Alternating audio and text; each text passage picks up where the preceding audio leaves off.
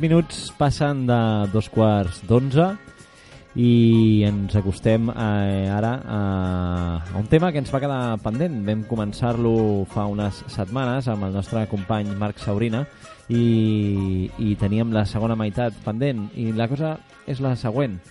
La cosa és la influència que va tenir eh, la desfeta de la Unió Soviètica en els països satèl·lits, eh, com, ara, com ara Ucraïna. Aquesta desfeta va comportar moltes coses, entre d'altres eh, el naixement d'uns estats que no tenien, eh, no estaven eh, fonamentats en una identitat comuna nacional.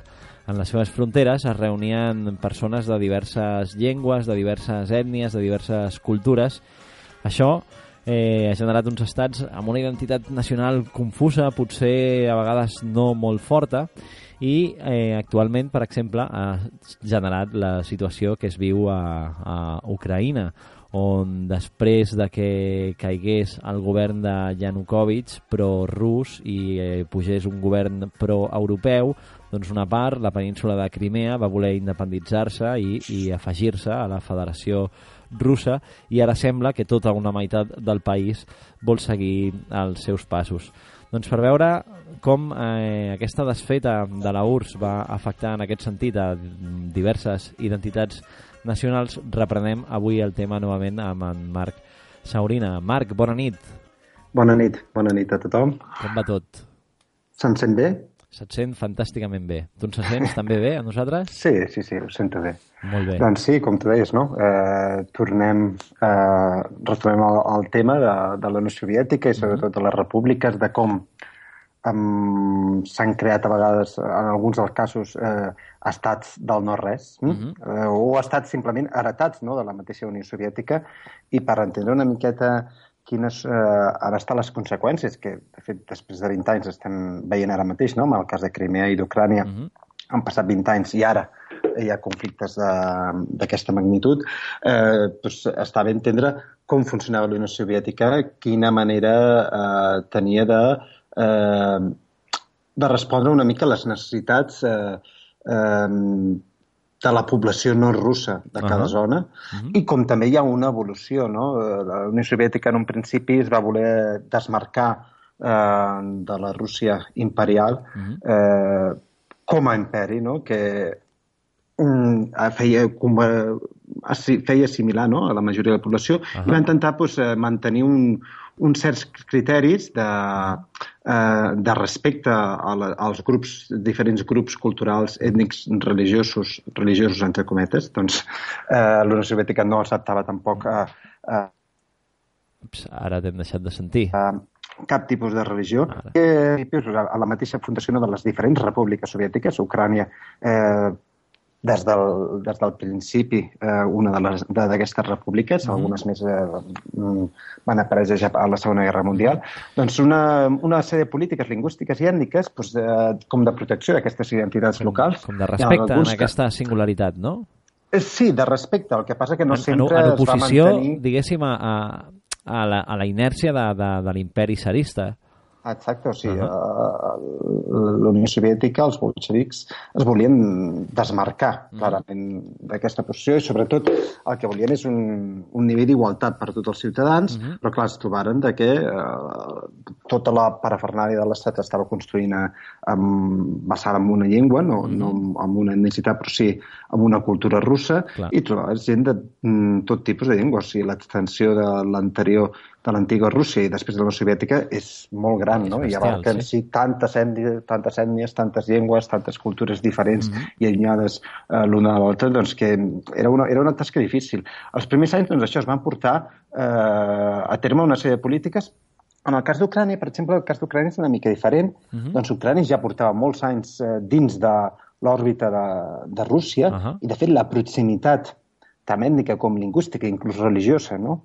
Eh, d'ucranesos i, i de russos va fer que aquí es creés una espècie de, eh, de, de mescla. Doncs eh, hi havia, per una banda, d'això des del principi, uh -huh. eh, que és defensat doncs, l'ensenyança de, la, de, de la llengua a tota la república, però per l'altra banda també es potenciava el concepte d'etnicitat. Eh, la Unió Soviètica doncs, eh, es, es remarcava de quina ètnia era aquella, aquella persona. Uh -huh. doncs, doncs, la nova eh, República Soviètica d'Ucrània, per una banda hi havia gent que marcava l'ètnia ucrània, però per l'altra banda també s'ensenyava eh, la llengua a tota la població, a tota la població que estava dins de, de, de la república. Uh -huh. eh, això va ser els primers anys, però a poc a poc després es va intensificar una mica el que seria la russificació, no? Uh -huh. I amb aquesta russificació que es va aconseguir?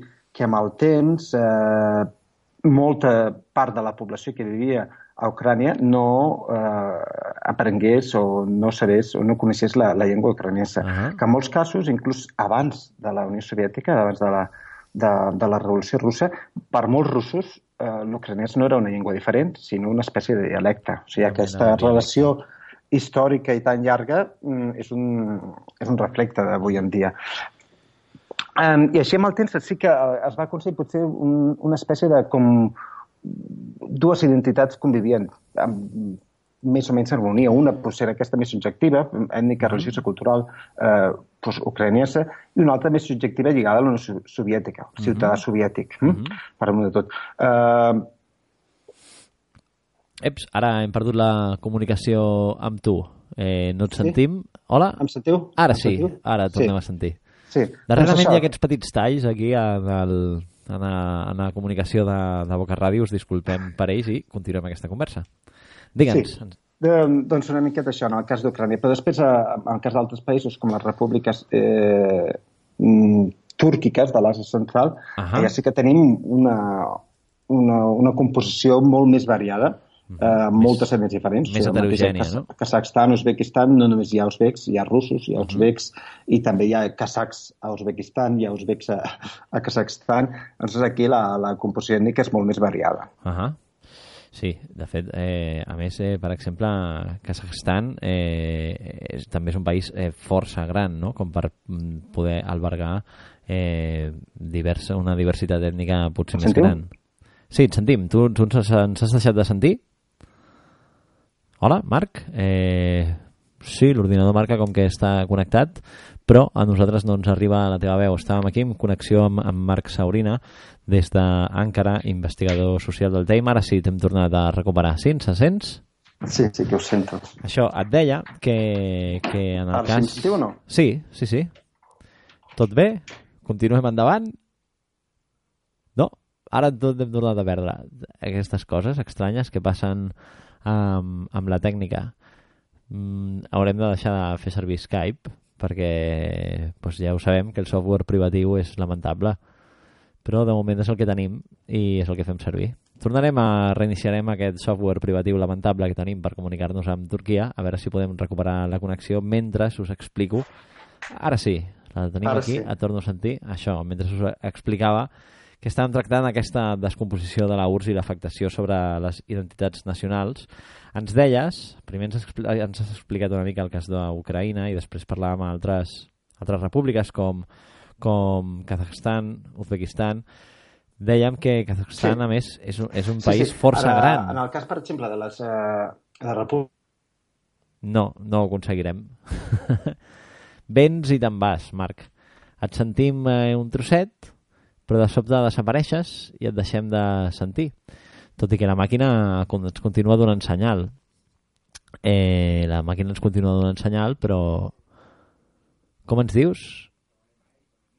Potser sí, potser el tècnic ens comenta que potser tens algun problema amb la connexió, potser el senyor Dogan està aquí resetejant els proxys de Turquia o alguna cosa està passant, o simplement és casualitat que avui no funcioni bé la connexió. A veure si eh, aconseguim recuperar-la. De moment... Jo ara ho sento. Ah, mira, ara et tornem a sentir. Sí, ara ho sento. Ara doncs, sí. sí. A veure si ens ubiquem i podem A veure si ens continuar ubiquem perquè ens endavant. estem perdent. Sí, Entre tant tall. exacte. O sí, una miqueta el cas de les repúbliques túrquiques. Estàvem el cas de Kazakhstan, Uzbekistan, Kirguistan. Ah, doncs allà sí que no hi havia cap tradició d'estat previ. Eh, hi havia sobretot doncs, ciutats, per exemple, en el cas d'Uzbekistan tenen les ciutats de, com de Samarcanda i de Bukhara, que han estat centres culturals molt importants, Mhm. però no tenim un nacionalisme previ. Mhm. A Ucrània gairebé tampoc. Va haver-hi una mica de moviment nacionalista doncs, entre certs cercles eh, de l'aristocràcia d'Ucrània abans de la Revolució Russa, però mai això es va arribar a transmetre a, a la població. Doncs ens trobem potser exceptuant les repúbliques bàltiques, que la majoria de noves repúbliques que van néixer eh, de la desfeta de, de la Unió Soviètica eren repúbliques sense ni una tradició nacionalista, a vegades amb una composició eh, bastant heterogènia, uh -huh. i això a la llarga ha portat problemes. I Clar. bàsicament, a part d'aquesta veritat o heterogeneïtat de, la, de la població, també el component rus, que a partir dels anys 50, això una mica polítiques de Stalin, a part de forçar ja una russificació molt més intensa a totes uh -huh. les repúbliques, també hi ha molts moviments eh, de població, moviments de poblacions russes a altres repúbliques. Uh -huh. En el cas d'Ucrània hi ha una majoria de població russa a la part eh, és del país eh, i, de fet, un dels conflictes que s'està veient ara, doncs aquesta oposició oest-est, que és una, un- una oposició històrica que ja ve d'abans, doncs, eh, aquesta identitat ucraïnesa sempre està molt més present a la part eh, occidental que no part a, a la part oriental. Sí, de fet, Eh, és, sembla que és com, a, és com queda dividit el país, no? Sí, sí, és com queda dividit el país. Eh, de fet, en, a- l'any 91 hi havia 26 milions de russos, uh -huh. tècnicament russos i com a primera llengua el rus, que vivien fora de la nova eh, Rússia. 26 milions de russos. Sí. Mm? Eh, clar, clar. De fet, quan eh, mires el mapa, de, per exemple, de Kazakhstan, Uzbekistan, Turkmenistan, trobes que no, no tota la frontera, per exemple, de, de Kazakhstan, però sí té uns trossos que són línies rectes, la frontera. Uzbekistan, igualment, té uns trossos també que són línies rectes, la frontera. Eh, Turkmenistan també. Això ens fa pensar doncs, en aquesta artificialitat no?, d'unitat nacional que és una unitat nacional no construïda en base, en base a la identitat de la població. O, mm, en Sí. alguns casos, eh, s'ha forçat eh, l'hegemonia d'una de les, eh, de les ètnies, l'ètnia majoritària, Mhm. que seria en el cas de Kazakhstan, en el cas de Uzbekistan, la- l'ètnia majoritària eh, és, és la de cada zona. Però mm, hem de tenir en compte que totes aquestes poblacions, eh, aquests eh, eh, pobles túrquics, quan dic túrquics em refereixo que venen de la central i que comparteixen el mateix eh, vincle lingüístic i ètnic amb la població turca d'avui en dia, encara que a Turquia hagi canviat molt, eh, eren poblacions bàsicament nòmades. Mm -hmm.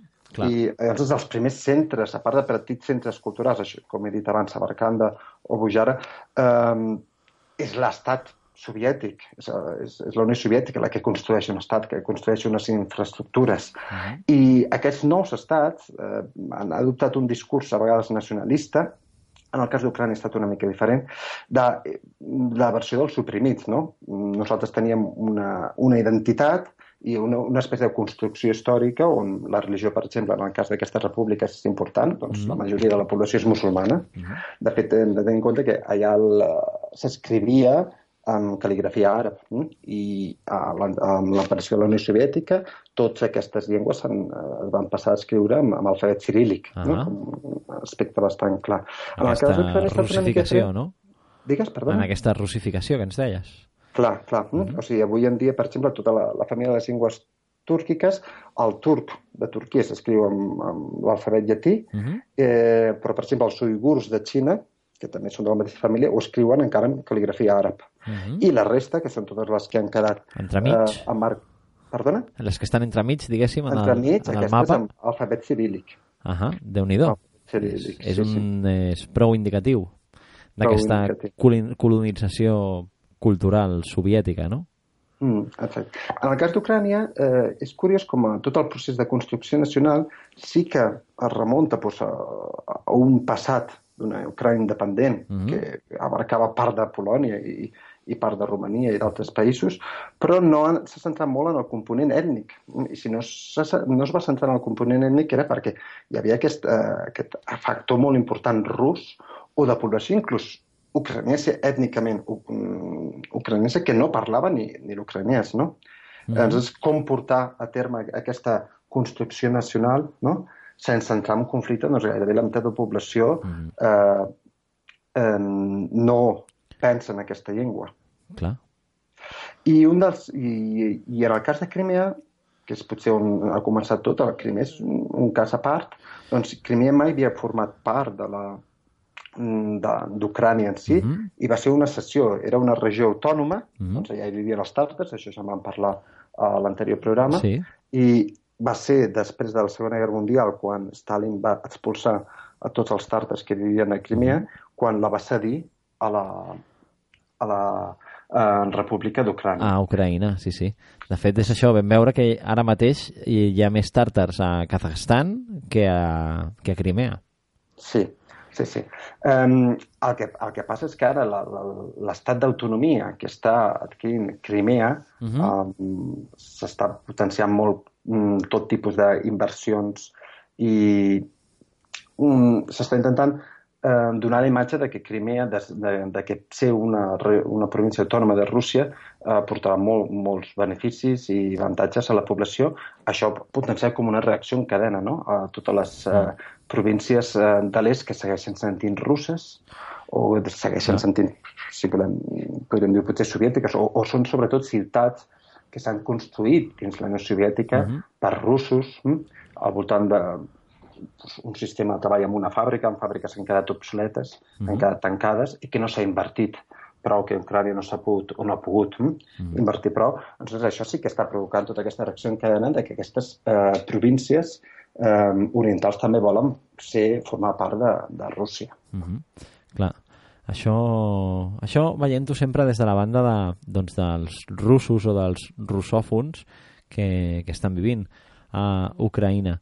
Si ho veiem des de, des de la banda russa, a vegades també ens pot semblar que hi ha una iniciativa, unes ganes, una, una ànsia, diguem-ne, conqueridora, que ens pot recordar, d'una banda, el, aquest eh, colonialisme soviètic, d'alguna manera, que, que procurava tenir uns, uns països satèl·lits, però també ens pot recordar igualment a, a l'imperialisme sarista, no? aquesta expansió, aquesta estratègia geopolítica en guanyar mercats, en guanyar territoris estratègics com Ucraïna. Sí, de fet, en Rússia, els primers anys, uh -huh. eh, després de la caiguda soviètica, doncs devien ser com uns anys de xoc, no? Uh -huh. Però a poc a poc eh, el que no ha deixat mai Rússia és que aquestes repúbliques puguin funcionar per si soles, no? eh, a part de que tota aquesta infraestructura i tota aquesta construcció estatal eh, està heretada de, de, de l'imperi rus i de, de la mateixa Unió Soviètica, a poc a poc veiem eh, intromissions a totes les repúbliques. O sigui, uh mhm. -huh. segueix mantenint una espècie de mm, vincle molt fort eh, no només amb Ucrània, sinó amb, amb, totes, amb, totes, amb totes les repúbliques, potser Jeps, ara t'hem deixat de sentir un altre cop en aquesta recta final de la, de la conversa amb en Marc Saurina des d'encara Turquia. Ens explicava, doncs, precisament, eh, a veure si t'hem recuperat ara, ens explicava precisament doncs, això, que aquesta escissió en aquests països sorgits de la desfeta de la Unió Soviètica, ara sí, tenim aquí, en fan gestos. Sí, avui. Sí. Ostres, avui, avui està difícil, eh? Sí, sí eh, recuperem i encarem també aquesta, aquesta recta final de la conversa. Sí, uh, la visió russa. Aquest, est, ah, sí, exacte, aquesta, aquesta, aquesta visió russa de, de conqueridors, de colonitzadors, de, de geopolítica estratègica. Sí, de fet, eh, Rússia ha obstaculitzat molts cops inclús que països com Azerbaijan uh -huh. eh, obrissin noves relacions econòmiques amb altres països com Turquia, eh, qualsevol projecte de gasoductes eh, eh, des del mar Caspi cap a Turquia i altres zones. Aquí Rússia sempre ha posat mà i ha, i ha, i ha dificultat no? l'evolució de, d'aquests països com, com estats-nacions independents que puguin eh, mantenir relacions econòmiques amb els, amb els països o amb les zones eh, que ells vulguin. En el cas de, de Crimea, jo, jo crec, i així amb, amb això podríem tancar, mm. que no està tampoc una, una política massa pensada, mm? Mm, però que està donant molts bons resultats. Eh, Clar. Vista des de Moscou. O sigui, tal com s'ha fet, la posició d'avantatge mm, per una banda tens tota la població russa que viu a Crimea, per l'altra banda no tens, per més que la Unió Europea digui ho faci, no està en posició d'enfrontar-se de, de, i, de, i de començar tampoc cap tipus de conflicte, mm -hmm. i això està obrint una reacció en cadena que no sé, que a la llarga pot donar mm, pas a una secessió d'Ucrània en dues parts, una uh -huh. incorporada dins, dins de Rússia i la part oriental mm, més petita, no? Uh -huh. eh, um, que es podria mantenir com a independent. Aquest no és el cas, per exemple, de les repúbliques turques, túrquiques, doncs eh, han sabut, eh, tot, i, tot i que s'està potenciant una, una identitat um, que no respon a, a, la, a, a la identitat de tota la població, tampoc hem trobat conflictes eh, fins ara eh, mm -hmm. violents o conflictes entre poblacions russes i població no russa. No? En el cas d'Ucrània i Rússia, em sembla que és que aquesta relació tan llarga que ha mantingut durant tants de segles, aquestes poblacions està xocant ara. Uh -huh. uh, podria ser una de les, de les aproximacions. Per exemple, quan la Unió Soviètica es va desfer, molta gent o bastant gent preveia que un lloc, una nova Iugoslàvia, podria ser eh, Kazakhstan. Uh -huh per tota la varietat mm, i, i de grups diferents eh, que hi vivien i no ha estat així, no? No va passar. De fet, eh, diguéssim, eh, hi governen els mateixos des de que va caure la Unió Soviètica fins avui dia a Kazakhstan. Sí. Diguéssim que aquesta estabilitat, clar, eh, eh, és sospitós no? que governin els mateixos durant tant de temps, però també fa pensar que hi ha com una tranquil·litat, que la gent ho accepta T'hem deixat de sentir un altre cop en aquesta... No he deixat de sentir. Ah, no, ara veus, ara, ara tornem a sentir.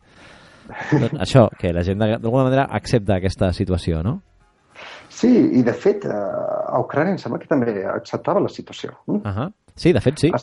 De fet, no tenien un conflicte temps... amb ser russos o ser ucraïnesos, no?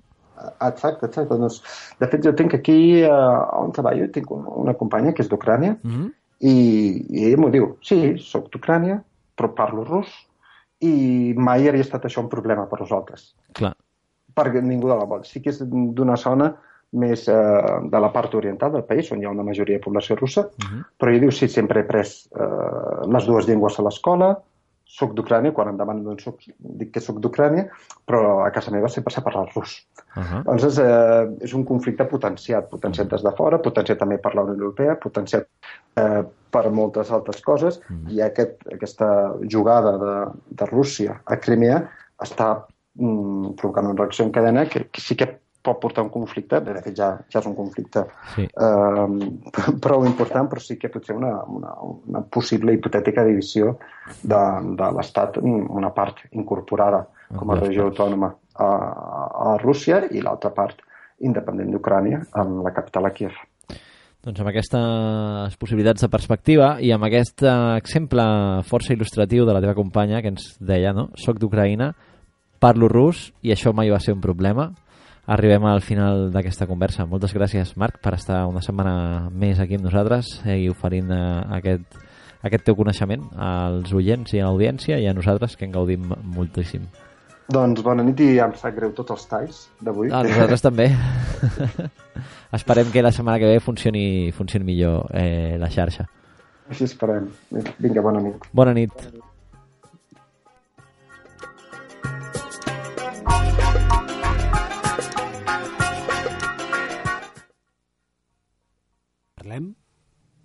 Creo que no fui a Andorra, no lo sé, creo que no, porque hablé con las personas que conocían aquella época y me dijeron que no. Yo recuerdo que había nieve, parece ser que eran los picos de Europa. Lamento cometer ese error, pero eh, no hace 18, 19 o 17 años no lo puedo asegurar. Sí que había nieve, eso se lo aseguro. Parece ser que eran los picos de Europa y no Andorra. Y por lo tanto, eh, sobre. Eh, ah, me dice usted quién paga. Pues supongo que cada uno a veces pagaría lo suyo u otras veces sería invitado. Eso ya.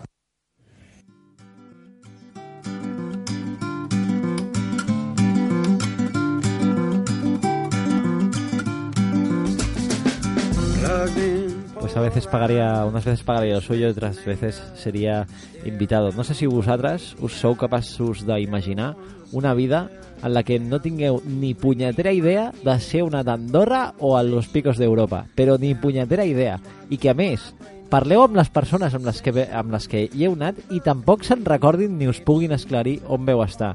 I que l'única cosa que recordis és que, efectivament, havia nieve i que a veces uno se paga la suya i otra veces lo invitan. Doncs amb això arribem a les 11 de la nit, un nou dimarts, eh, aquí a Noia Futur.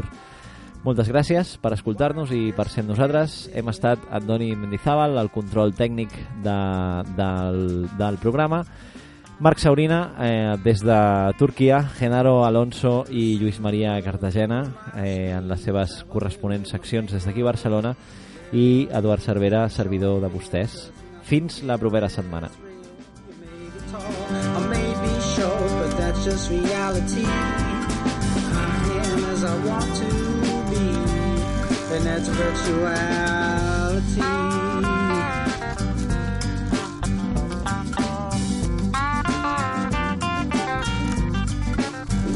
disconnected.